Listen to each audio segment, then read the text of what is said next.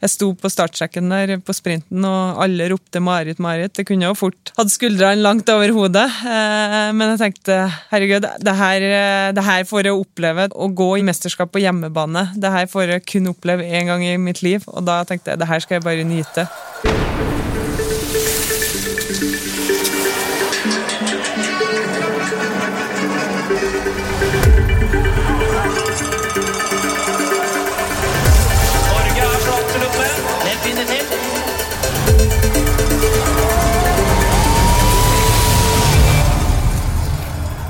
Hva betyr egentlig laget for den enkelte utøveren når hun står på startstreken på sitt livs renn, og hva er det som kjennetegner et godt lag?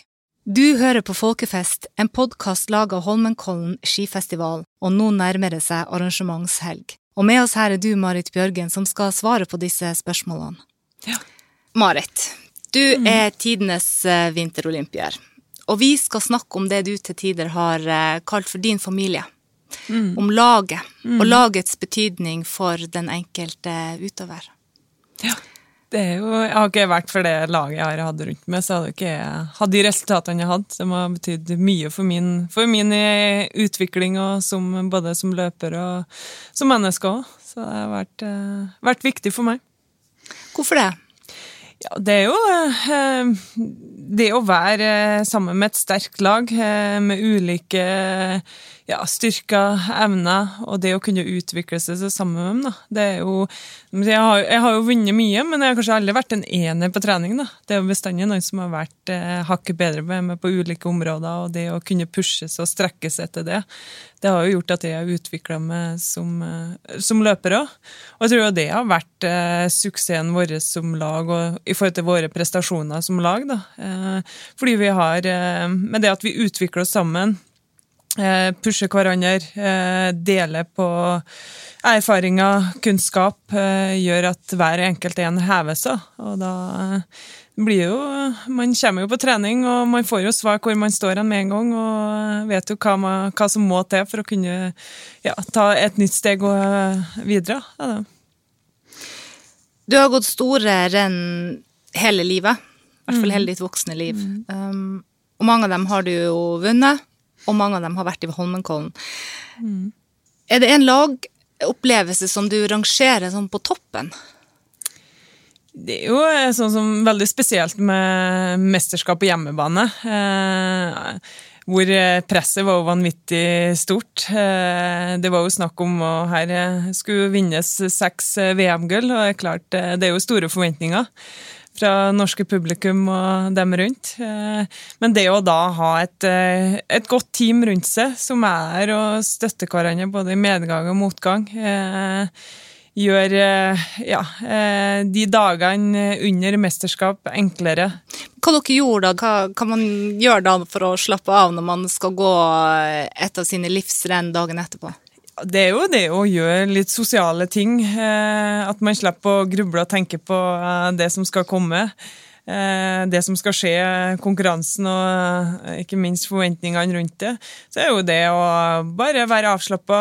Vi har jo bestandig i mesterskap så har vi jo sosiale rom hvor vi kan samles. eh, Både, ja, Der kan jo være fysioterapeut, vi får behandling der, vi kan spille spill, vi kan se film. Eh, masse godteri som vi kan sitte og skravle og spise godteri. Og det var godteri. lov? Ja, ja, det, ja, det.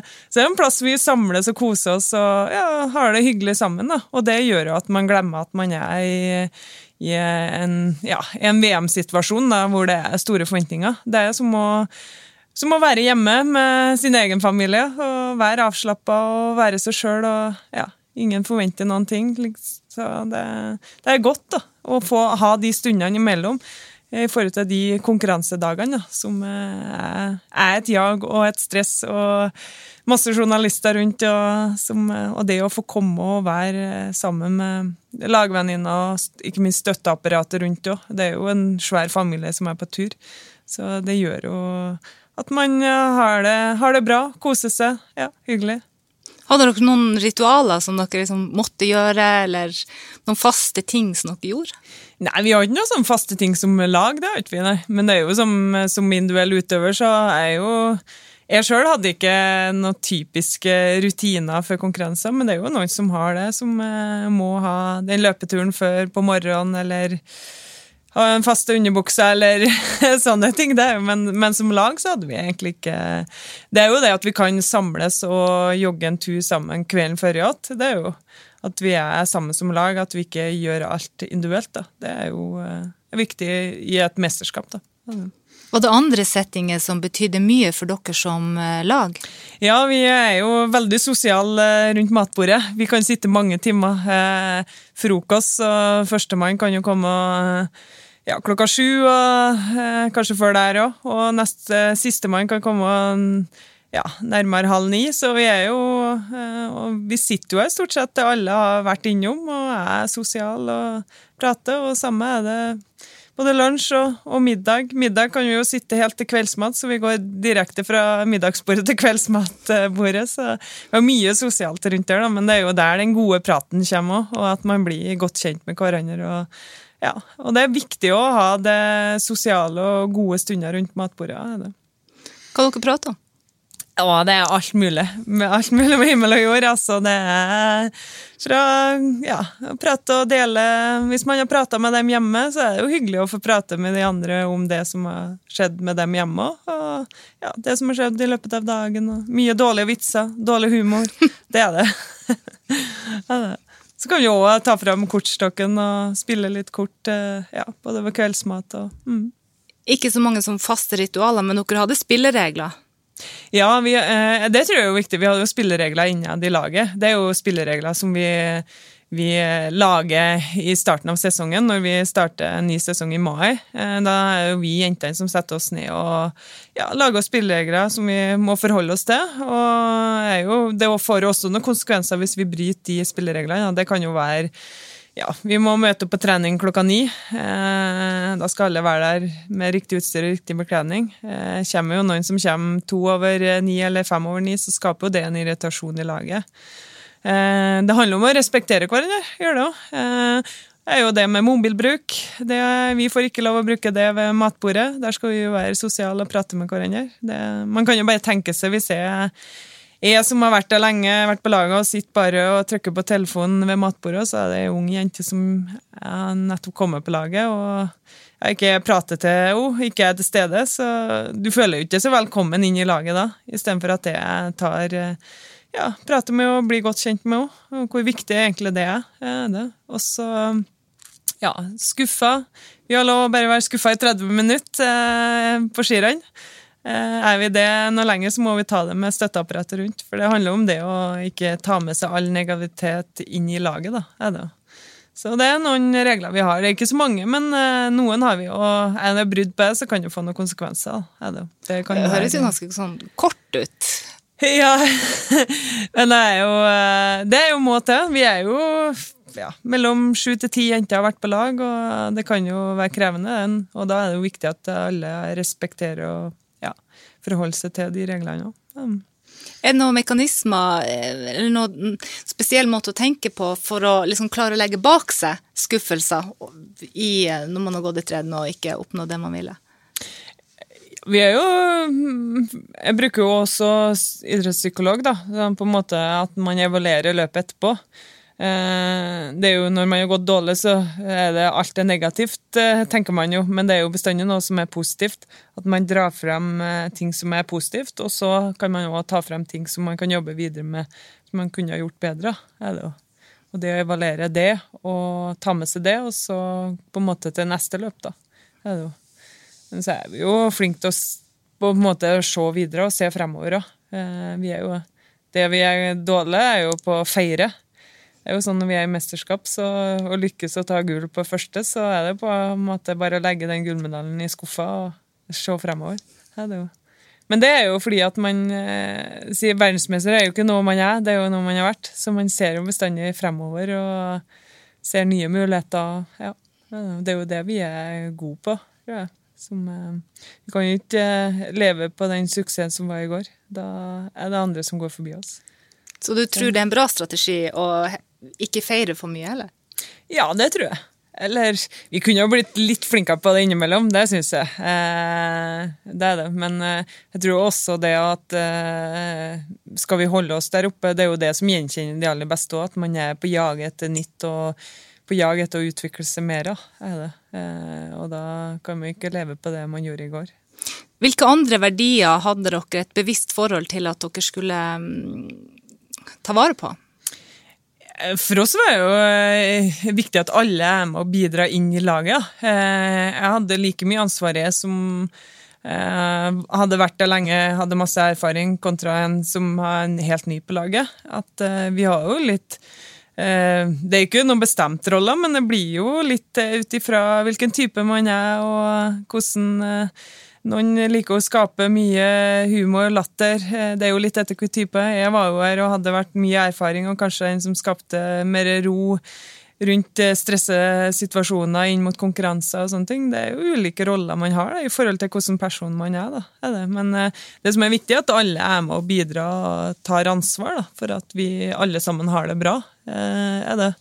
Og at man bryr seg om hverandre og er med og bidrar med sitt kunnskap. Da, er det. Når eh, laget ikke fungerer, hvordan merker man det? Ja, det kan jo være fort eh, eh at det blir eh, noen som mistrives. Eh, litt baksnakking. Eh, noen som får mer oppmerksomhet enn andre. sånne ting som kan være med å skape litt uro i rekka.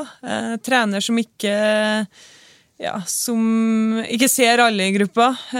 som kanskje kun ser de aller beste lar noen eh, få gjøre akkurat det de vil, eh, mens det er strenge regler for andre. Eh, ja, misunnelse. Eh, sånne ting er jo med å skape uro i, et lag, da. Og når det fort begynner å rakne, så Eller det at andre at man får gjøre akkurat det man vil på trening. Hvis man reiser på samling og man vil trene litt ulikt, så klarer man jo ikke å samle laget heller. Og da kanskje blir det sånn gruppering innad i laget, og det er heller ikke bra. Så det er jo Det å ha sju-åtte jenter kan være krevende, det òg. Jeg tror det er viktig at man har en trener som er veldig tydelig, eh, som vi har vært veldig heldige med å ha og være For er vi på samling, så skal vi trene sammen, og så lenge alle er skadefrie og, og sykdomsfrie. og at vi er på en måte drar lasset sammen. Eh, når vi er på, ute på konkurranse og samling, at vi rullerer på å bo i lag med for å bli godt kjent med hverandre. Ja, eh, trenere er jo like mye eh, med inn i sosiale annet, i forhold til det å være til stede både ved matbordet, på trening, for å bli godt kjent med oss òg. For, for han skal jo få ut det beste av hver enkelt òg, og det å bli godt kjent med oss er jo like viktig. Har du opplevd at det ikke har fungert? Nei, jeg har jo hatt perioder hvor ting ikke har vært eh, bra. Det har jo. Men eh, da har vi også vært eh, flinke til å, å, på en måte ta tak i det. Jeg tror det er jo ingen Vi har jo våre utfordringer, vi òg. Det er jo ikke rosenrødt bestandig. Men jo bedre vi kjenner hverandre, jo bedre flinkere er vi til å kommunisere òg. Og kunne ta opp de tingene som er utfordrende der og da. er det jo at vi tør å si fra til hverandre. Eh, både i forhold til det som ikke er bra, men også det som er bra. er At vi er flinke til å evaluere både samlinga og sesongen. og vi, vi, kjemper om de samme medaljene. Eh, vi kan jo reise til et mesterskap, og ja, kanskje er vi seks av dem som er gode nok til å ta en, være med og ta gull på en stafett. Så er det bare fire som får gå, og det kan jo være utfordrende. Eh, alle har jo jobba like mye for å kunne lykkes for å komme dit, og så er det to som må dette utafor. Det kan være knallhardt, det. Og, og, man blir jo skuffet. Eh, og man kan være uenig i laguttak, men så handler det om å respektere det og, og prøve å være der for laga. Og det kan være krevende, men jo bedre vi er rusta sammen, jo enklere er det til å takle sånne situasjoner. Har du en sånn din verste lagopplevelse? Nei, jeg kan ikke si det. Jeg, men det, det, beste er jo Man vet jo, er med mange jenter, så er jo det å snakke med og ikke om, da. Det kan jo være litt sånn krevende innimellom. Er det. I hvert fall eh, Det er jo eh, spesielt eh, Alt er jo Eller ting går jo veldig på skinner egentlig sånn i treningssesongen fra mai til november. Og så begynner konkurransene å dra seg til, det er kamp om plassene, det er mesterskap snart. Og da er vi jo Det er jo da det er veldig viktig å ta opp de spillereglene og hvilke forventninger vi skal ha til hverandre, og hvordan skal vi forholde oss inn mot laget òg. Det er jo det som kan være krevende, og spesielt i et mesterskap hvor man virkelig har Alle har jobba 800-900 timer med trening bak seg for å, å kjempe om, være med å kjempe om de medaljene, og så er det glipp det der og da. og så er det jo, Man blir jo skuffa, og man har, jo litt ulike, ulike reaksjoner på det òg. Så det kan jo være litt krevende. er det. Og da er det jo viktig at man har eh, et godt støtteapparat rundt seg òg, eh, som tar tak i og som kan være med å hjelpe og bidra. Og ikke minst òg trenere i en sånn situasjon. Er det.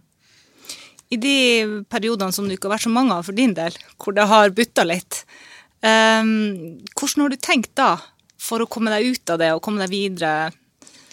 Ja, jeg, har, jeg hadde jo tre-fire år hvor eh, ting butta litt imot. Eh, hvor jeg var veldig ujevn i resultatene. Og kanskje det siste var nok det mesterskapet i Librech i 2009, hvor jeg jeg skulle jo reise dit og være med og kjempe om medaljer, og jeg var jo så langt ifra det. Og jeg var jo veldig skuffa og lei meg òg, men så var det andre på laget som presterte, og så er det jo viktig å være der for dem òg. Eh, det var en tøff situasjon, eh, det var det. Å være veldig skuffa og lei seg over sine egne prestasjoner, og så skal glede seg over andre òg. Eh, men det kan være krevende, men da er det godt å ha det laget rundt seg òg. Eh, og det at det er humor, glede og kan gledes over hverandre sin prestasjon, gjør at man kan kanskje glemme litt av sin skuffelse òg. Og klare å kanskje legge det litt bak seg òg. Du spilte håndball og fotball som barn. Hva tenker du skiller egenskapene til et lag, en lagidrett, og det laget som er for individuelle utøvere, som du jo etter hvert ble en del av, og ble mor på laget, som det ble kalt? Eh, Sånn som for min del, når jeg var yngre, og, eh, så er jo Når jeg drev med langrenn, så var det jo ikke så mange Jeg kommer fra en liten plass, så vi var ikke så mange. Vi var jo fem-seks, og kanskje ei jente til, resten var gutter. Så for min del så var det òg viktig å ha det her laget rundt håndballaget, fotballaget, hvor det var mange jenter, og det sosiale rundt det òg. Men når jeg kom opp på landslag, eh, juniorlag, landslag som senior i langrenn, så hadde jo det sosiale laget rundt meg da, sånn som jeg hadde i håndball og fotball. Så, så jeg vil jo ikke eh, Det er kanskje eh, Med det at jeg driver en individuell idrett, så må jo man jo ta mer ansvar for sin egen utvikling og for sine resultater Eh, som individuell utøver, men når du spilte på et lag, så kan du jo gjemme bak andre. Og så er jo ikke sikkert alle har eh, legger li, like mye innsats i den treninga for å kunne utvikle seg for at laget skal bli bedre heller. Ikke?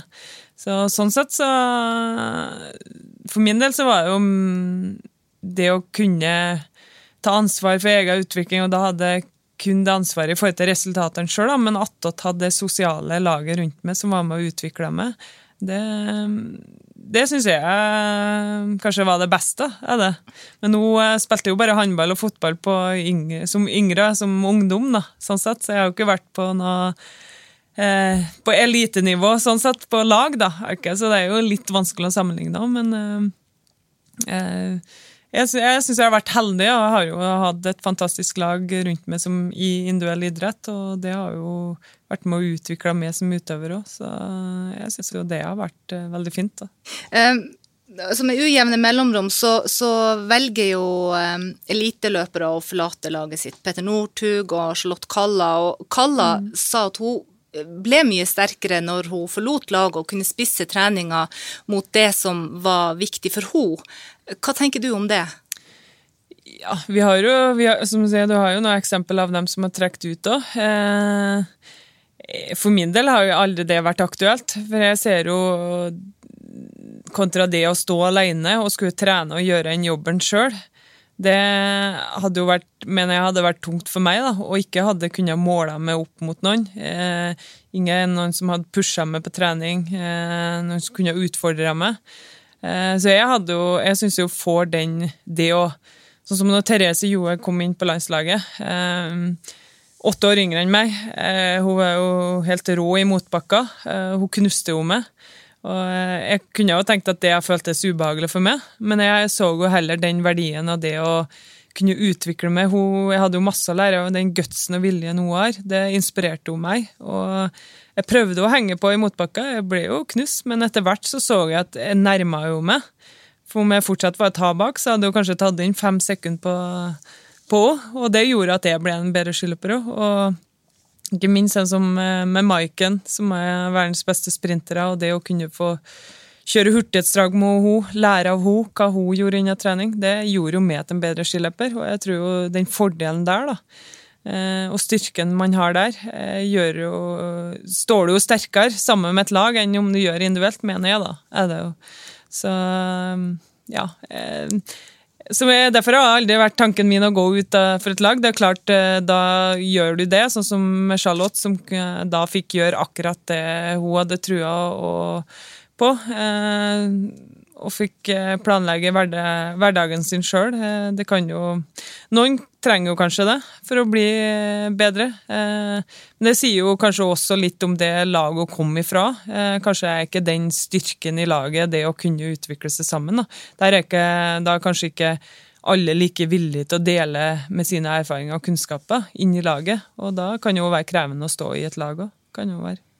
Er det noe du tenker er sånn fy-fy å gjøre på et lag? Eh, ja Nei, du Det handler om Jeg tror jo viktig det at alle ser verdien. Alle må bidra for at det skal fungere. Har du bare én som vil kun gjøre det som passer en sjøl, så er det krevende innen et lag, og det skaper irritasjon. Er det.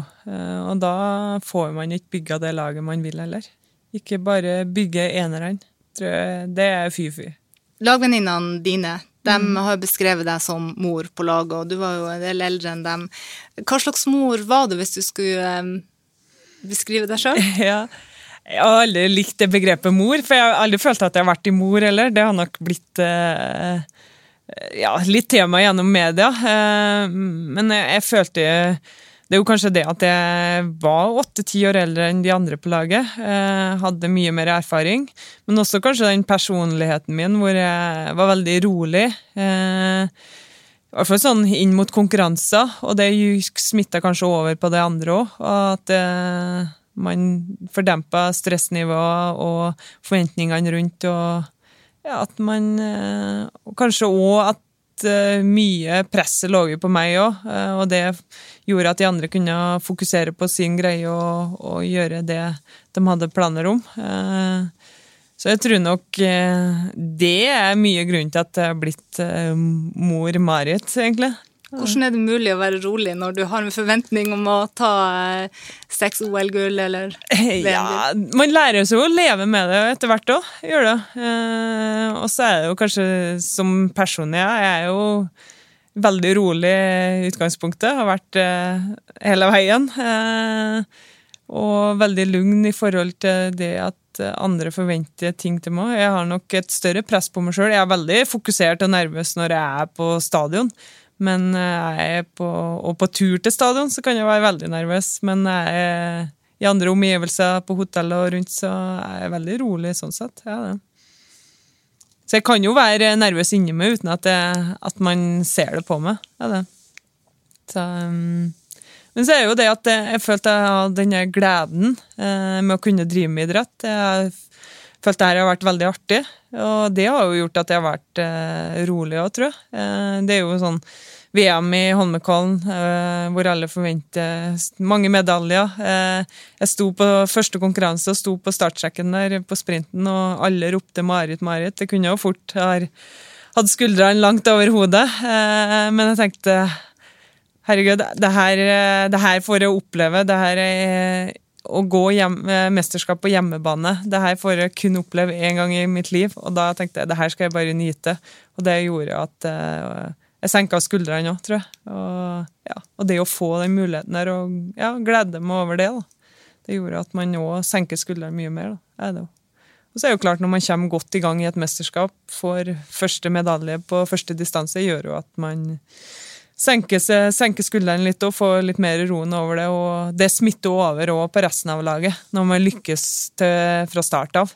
Gjør det. det er jo verre når man eh, bommer litt i de første konkurransene. Da er det litt sånn, blir litt mer dempa stemning i laget, og det smitter fort over òg. Jeg har jo vært i mesterskap man har gjort det òg. Nå har du egen familie og to små barn, og har du tid til å savne landslaget? Ja, eh, det gjør jeg. jeg. Savner jo folka og det miljøet, for det har jo vært en del av meg gjennom 20 år. da. Det har jo vært min andre familie, og ikke bare det er jo ikke bare mine lagvenninner har vært, men trenere, smørere, eh, hele støtteapparatet rundt. Eh, egentlig hele langrennssirkuset, andre nasjoner. Det, det har jo vært livet mitt gjennom 20 år. Så det er klart, man savner jo folka og miljøet. Det gjør man jo.